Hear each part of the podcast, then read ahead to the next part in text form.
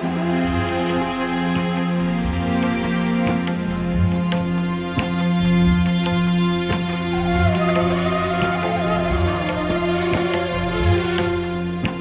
Hoca yaklaşık iki saatten beri konuşuyordu. Dili damağı kurumuştu.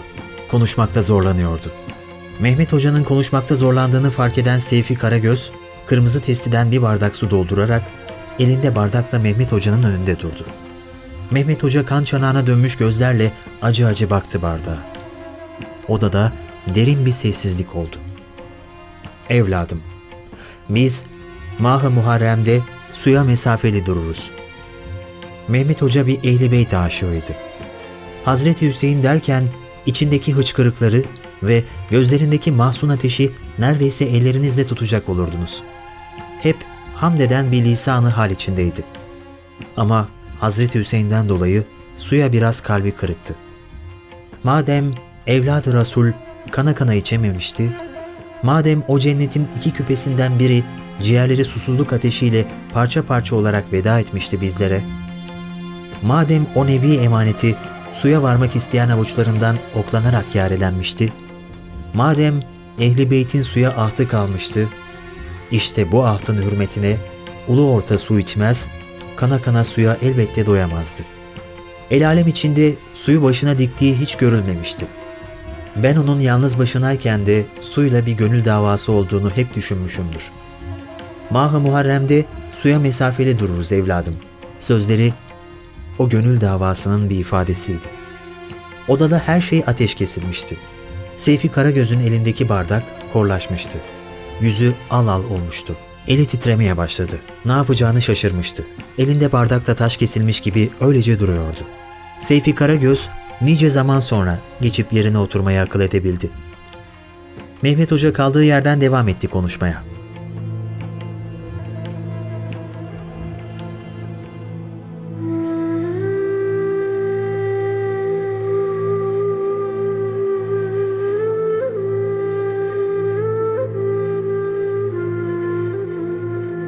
Bir yudum su içemeden çadırlara dönen İmam Hüseyin, çadırların ateşe verildiğini, kadınların ve çocukların bağırış ve yakarışlarla yanan çadırların arkasında kelebekler gibi kanat çırpmakta olduklarını gördü. Anaç bir kartal gibi Seyide Zeynep hepsini kanatlarının altına almaya çalışıyor, feryatlar göklere yükseliyordu. Koca imam o an Kerbela cehenneminde bir başına kaldığını bir daha gördü. Ehli Beyt'in daha gün görmemiş bütün taze delikanlıları kanlar içinde yerlerde yatıyordu. En acımasız tiplere direnen nazlı bir dal gibi tek başına koca bir orduya direniyordu. Gözleri ateş saçıyordu. O sırada Malik bin Bişr adındaki Melun yaklaşıp imamın başına kılıçla vurdu. Başındaki deniz koyunu yönünden dokunmuş külahını kesti ve başını yaraladı. Hazreti Hüseyin olduğu yere oturdu. Oturduğu yerde uzun zaman kaldı, kalkamadı. Eğer o sırada onu şehit etmek için üzerine gelselerdi, kımıldamadan şehit ederlerdi. Hazreti Hüseyin külahını atarak başına bir takke giydi. Üzerine sarık sardı. Korku nedir bilmeyen bu yiğide yaklaşmak yürek işi olsa da gül bedeninde kılıç değmedik yer kalmamıştı. Biraz dinlendikten sonra tekrar atına bindi. Artık atının üzerinde zor duruyordu. Çadırlardaki kadınlarla da irtibat kesilmişti. Küfe ordusunun komutanı Ömer daha fazla uzatmak istemiyordu. En seçkin silahşörleri Hazreti Hüseyin'in üzerine saldı. Zülcenah, güçlü çifteleri, tekmeleri, toynaklarıyla, heybetli şahlanışlarıyla yanına kimseyi yaklaştırmıyordu. Mızraklar, kılıçlar, palalar, baltalarla saldırıyorlardı. Zülcenah, gelen bütün darbeleri, saldırıları püskürtüyor, önüne kattığı askerleri sırtlan sürüsü gibi kovalıyordu. Ama o da yorulmuştu. Sabahtan beri savaş meydanındaydı. Üstelik açtı. Hepsinden de beteri susuzdu. Kadınların bulunduğu çadırlara doğru acı acı kişnemeye başladı. Melun Şimir askerlere ''Daha ne duruyor, ne bekliyorsunuz?'' diye bağırdı. Küfelilerden bir adam yayına bir ok yerleştirip İmam Hüseyin'e fırlattı.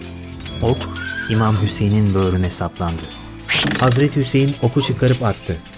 Züra bin Şerik adındaki bir talihsiz yaklaşarak İmam Hüseyin'e kılıçla vurdu ve kolunu kopardı. İmam da onu omzundan kılıçla vurup yere düşürdü. Sinan bin Evs adındaki başka bir talihsiz arkadan gelerek mızrağını Hazreti Hüseyin'in köprücük kemiğinden sapladı. Paslı mızrağın kanlı ucu bir et parçasıyla göğsünden dışarı fırladı. Yüzü solgun bir zambağa andıran koca imam, baltaların inip kalkışına daha fazla dayanamayan bir ulu çınar gibi Zülcenah'ın üzerinden kızgın kumların üzerine devrildi. Bir anda çadırlardaki çocukların, kadınların çığlıkları arşa yükseldi. Hazreti Hüseyin dizlerinin üzerine çökmüş, iki eliyle göğsünü parçalayan mızrağı kavramıştı. Canından can koparılıp alınmıştı sanki. Gözleri hala kırmızı parçadaydı. Ciğerini mi söküp çıkarmıştı mızrak, yüreğini mi? Çadırlara doğru seslendi. Zeynep, kardeşim, bu yetimleri sana, seni de Allah'a emanet ediyorum. Yere kapaklandığında hala kadınlar tarafından gelen çığlıkları duyabiliyordu. Bu sırada bir grup askerin çadırlara doğru gitmekte olduğunu gördü. Durun, gitmeyin. Sizin istediğiniz benim. Kadınlara dokunmayın, diye inledi. Onca mızrak ve kılıç darbesine rağmen hala bilinci açık olmalıydı. Öyleyse kulağına Zeynep'in, eşinin ve diğer kız kardeşlerinin feryatları ulaşıyor olmalıydı. Şimir, İmam Hüseyin'in göğsüne o pis ayaklarıyla basıp olanca hızıyla kılıcını boynuna indirdi. Baş gövdeden ayrılmıştı. Kesik baş yuvarlanarak az öteye düştü. Cennet gençlerinin efendileri olan çifte güzellerden Hazreti Hüseyin'in kesik başı kızgın kumların üzerindeydi. Büyük imamın başsız bedeninde 33 mızrak ve bir o kadar da kılıç yarası vardı. Lami Çelebi, Maktilinde diyor ki, Hazreti Hüseyin'in boğazı kesilmek istendiğinde hançer, Hazreti İbrahim'in Hazreti İsmail'i kurban etmek isterken kesmeyen bıçak gibi kesmemiş. Peygamberimiz Hazreti Hüseyin'in boğazını öptüğü için onun mübarek dudağının değdiği yeri kesmekten haya ederek adeta isyan etmiştir. Bu sefer o talihsiz insan Hazreti Hüseyin'in başını çevirip boynundan kesmek suretiyle zalim emelini gerçekleştirmiştir. Zülcenah sırtına saplanmış oklarla kirpiye dönmüştü. Oluk oluk kan boşanıyordu yaralarından. Zor yürüyordu. O haliyle İmam Hüseyin'in mübarek bedeninin yanına geldi. Başını eğdi. Yelelerini imamın kanıyla yıkadı. Kişneyerek çadırlara doğru koştu. Seyide Zeynep, Zülcenah'ın yüzünü gözünü öpüp ''Vah Hüseyin'im'' diye hıçkırıyordu. Cennet çiçeklerinin öz suyundan devşirilmiş sularla yıkanması gereken ehli beyt kadınları, kızları kan ve gözyaşlarıyla yıkanıyordu. Kurulduğu günden beri varlık alemi böyle bir hazin manzaraya şahit olmamıştı. Felekler hiç bu kadar yanmamış, yıldızlar hiç bu kadar gözyaşı dökmemişti. Aynı aileden hem de hangi aileden bu kadar yiğit bir anda sonsuz ufuklara kanatlanmıştı. Daha o sabah hepsi sağda bu gül yüzlü yiğitlerin. Gün batmadan hepsi şehit edilmişlerdi. Hem de annelerinin, eşlerinin, bacılarının, çocuklarının gözleri önünde. İnsanlığı karanlık günler bekliyordu. Çölde gün batıyordu. Toplam 72 yiğidin kanıyla kıpkızıldı ufuklar. Gün bütün hüznüyle geceye dökülüyordu. Hazreti Hüseyin'in şehadetinden sonra talihsizler sürüsü büyük bir gürültüyle çadırlara doğru koştular. Kadınlar Küfe askerlerinin hücumunu görünce İmam Zeynül Abidin'in yattığı çadıra sığındılar. Çapulcular ellerinde mızrak, kılıç ve meşalelerle çadırlara daldılar. Seyyide Zeynep'in başındaki örtüyü Ümmü Gülsüm'ün kulağından küpeyi bile aldılar. Ümmü Gülsüm'ün kulağını yırttılar. Ardından son çadırları da ateşe verdiler. Alev gökyüzüne çıkmaya başladı. Kadınlar çocuklar birbirine karışarak kaçıştı. Ev halkı sadece evsiz değil, gök kubbenin altında sığınacakları bir çadırdan bile mahrumdu artık. Kerbela çölün ihtişamlı sahnesinde ölümün cennet güzelliğinde sergilendiği bir sergi gibiydi. Askerlerin ellerinden kurtulan kadınlar ve çocuklar kızgın kumların üzerindeki cansız cesetlere koştular. Her biri bir şehidin üzerine kapandı. Sonsuza dek onunla olmak, onunla kalmak istercesine her bir ehli beyt kadını bir şehidin üzerine kapanmış hıçkıra hıçkıra ağlıyordu.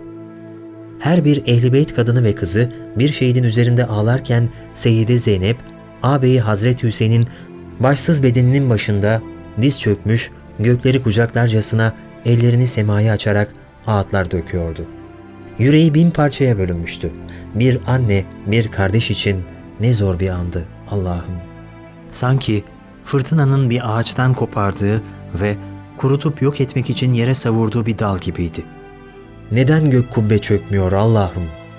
Allah'ım bu büyük kurbanı kabul et. Alemin toprağı başıma olsun ki kılıç ve mızrak yaralarından bir veda busesi bırakacak bir yer bulamıyorum Hüseyin'imin bedeninde, diyordu. Adını asırlara haykıracağım kardeşim. Kerbela'nın kumları örtemeyecek senin üstünü. Zaman seni unutturamayacak. Kaderimi yüreğime gömeceğim ve senin davanı herkese duyuracağım. Güneş kızıl atına binmiş gruba koşarken çölde Rönesans ressamlarının resmetmesi imkansız bir tablo oluşmuştu. Yerde yatanları şehit edenler sanki başkalarıymış gibi Küfeli bazı askerler de gözyaşları içinde bu hazin manzarayı seyrediyorlardı. O anda yerle gök arasında ansızın bir ses duyuldu. Yer ve gökleri titreten bir ses. Çekilin, kenara çekilin. Peygamberlerin üveyiki geliyor. İki cihan güneşi geliyor. Dedesi Hüseyin'i görmeye geliyor. Çekilin, Allah'ın arslanı Ali geliyor. Ordulara direnen oğlunu görmeye geliyor. Çekilin, geceleri uykusunu feda eden can parçası Fatıma Tüz Zehra geliyor. Hazreti Fatıma, 6 yaşında anasız kalan yavrusu Hüseyin'in kana bulanmış, kesik başını gördü. Gece karası kanlı saçlar kum doluydu. En son kendi elleriyle taramıştı o saçları. Şimdi darmadağınıktı. Gözlerinden sel olup aktı yaşlar. Kerbela toprağı o yaşlarla kan denizine döküldü. Yaktı beni ayrılık ateşi, yavrum, Hüseyin'im. Bitsin artık Allah'ım veda töreni, dedi. Gün batımında beş üveyik birden kanatlandı Kerbela topraklarından. Önce Fırat'ın kenarına konmak ister gibi yere doğru bir kavis çizdiler, sonra vazgeçmiş gibi yeniden havalanarak kızıl ufuklarda kayboldular.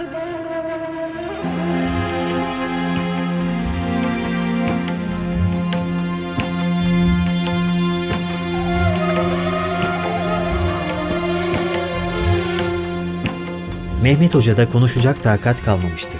Dili bir alev topu gibi damağına yapışmıştı. Yağ biten bir kandil gibi sesi iyice kısılmıştı. Kesik kesik konuşuyordu. Başını önüne eğdi. Hıçkıra hıçkıra ağlamaya başladı. Odanın içinde duyulan kesik kesik hıçkırıklar bir anda feryado figana dönüştü. Mehmet Hoca, ağlayın ey Hüseyin sevdalıları, ağlayın. Fuzuli diyor ki, ey Fuzuli, Ehli Beyt'in halini hatırlayıp ah eyle ki, ah şimşeğiyle günah harmanı yakılır, günahlar affolunur. Allah korkusuyla ağlayan mümin kulların gözyaşlarının cehennemin kıvılcımlarını söndüreceği gibi Ehli Beyt'e yapılan zulümler karşısında onlara duyulan samimi muhabbetle yürekten kopan ahu figanlar da günahları yakar, rahmete vesile olur. Bu ulvi duygular içerisinde Ehli Beyt için dökülen samimi gözyaşları inşallah cehennemin alevlerini söndürecek bir iksire dönüşür. Bu sözlerden sonra Mehmet Hoca da hıçkıra hıçkıra ağlamaya başladı. Odanın içi Kerbela'ya dönmüştü. Seyfi Karagöz o yanık, o içli sesiyle başladı Kerbela mersiyesini okumaya. Düştü Hüseyin atından Sahrayı Kerbela'ya. Cibril yetiş haber ver Sultanı Enbiya'ya. Evet, derviş odası Kerbela'ya dönüşmüştü. Yakup Aleyhisselam'ın kulübeyi ahsana gibiydi. Kendini yere atanlar, avaz avaz ağlayanlar. Dışarıda, yarlarda rüzgar oğulduyor, karlı boranlar kopuyordu. Rüzgar bütün gücüyle köyde kol geziyordu. Gökler gürüldüyor, şimşekler çakıyordu. Bütün bir köy, bütün bir kainat Kerbela'ya dönmüştü sanki. Her şey Kerbela'ya koşuyor, her şey Kerbela'ya ağlıyordu. Nice zaman sonra sakinleşen Mehmet Hoca peykeden eliyle destek alarak yerinden kalktı ve sessizce kapıya doğru yürüdü. Birdenbire bir sağanak patladı. Gökyüzü su olup sanki köye boşalıyordu. Gökler gürüldüyor, taşlar yuvarlanarak kendini yerden yere atıyor. Yıldırımlar indirmeler yapıyordu. Tarihin yeniden yaşandığı odada kimsede kalkacak hal kalmamıştı. Önce yine yaşlılar sessizce doğruldular yerlerinden. Oda yavaş yavaş boşaldı. Odanın müdavimleri köyü saran boranların içinde kayboldu. Derviş odasının ışıkları söndü.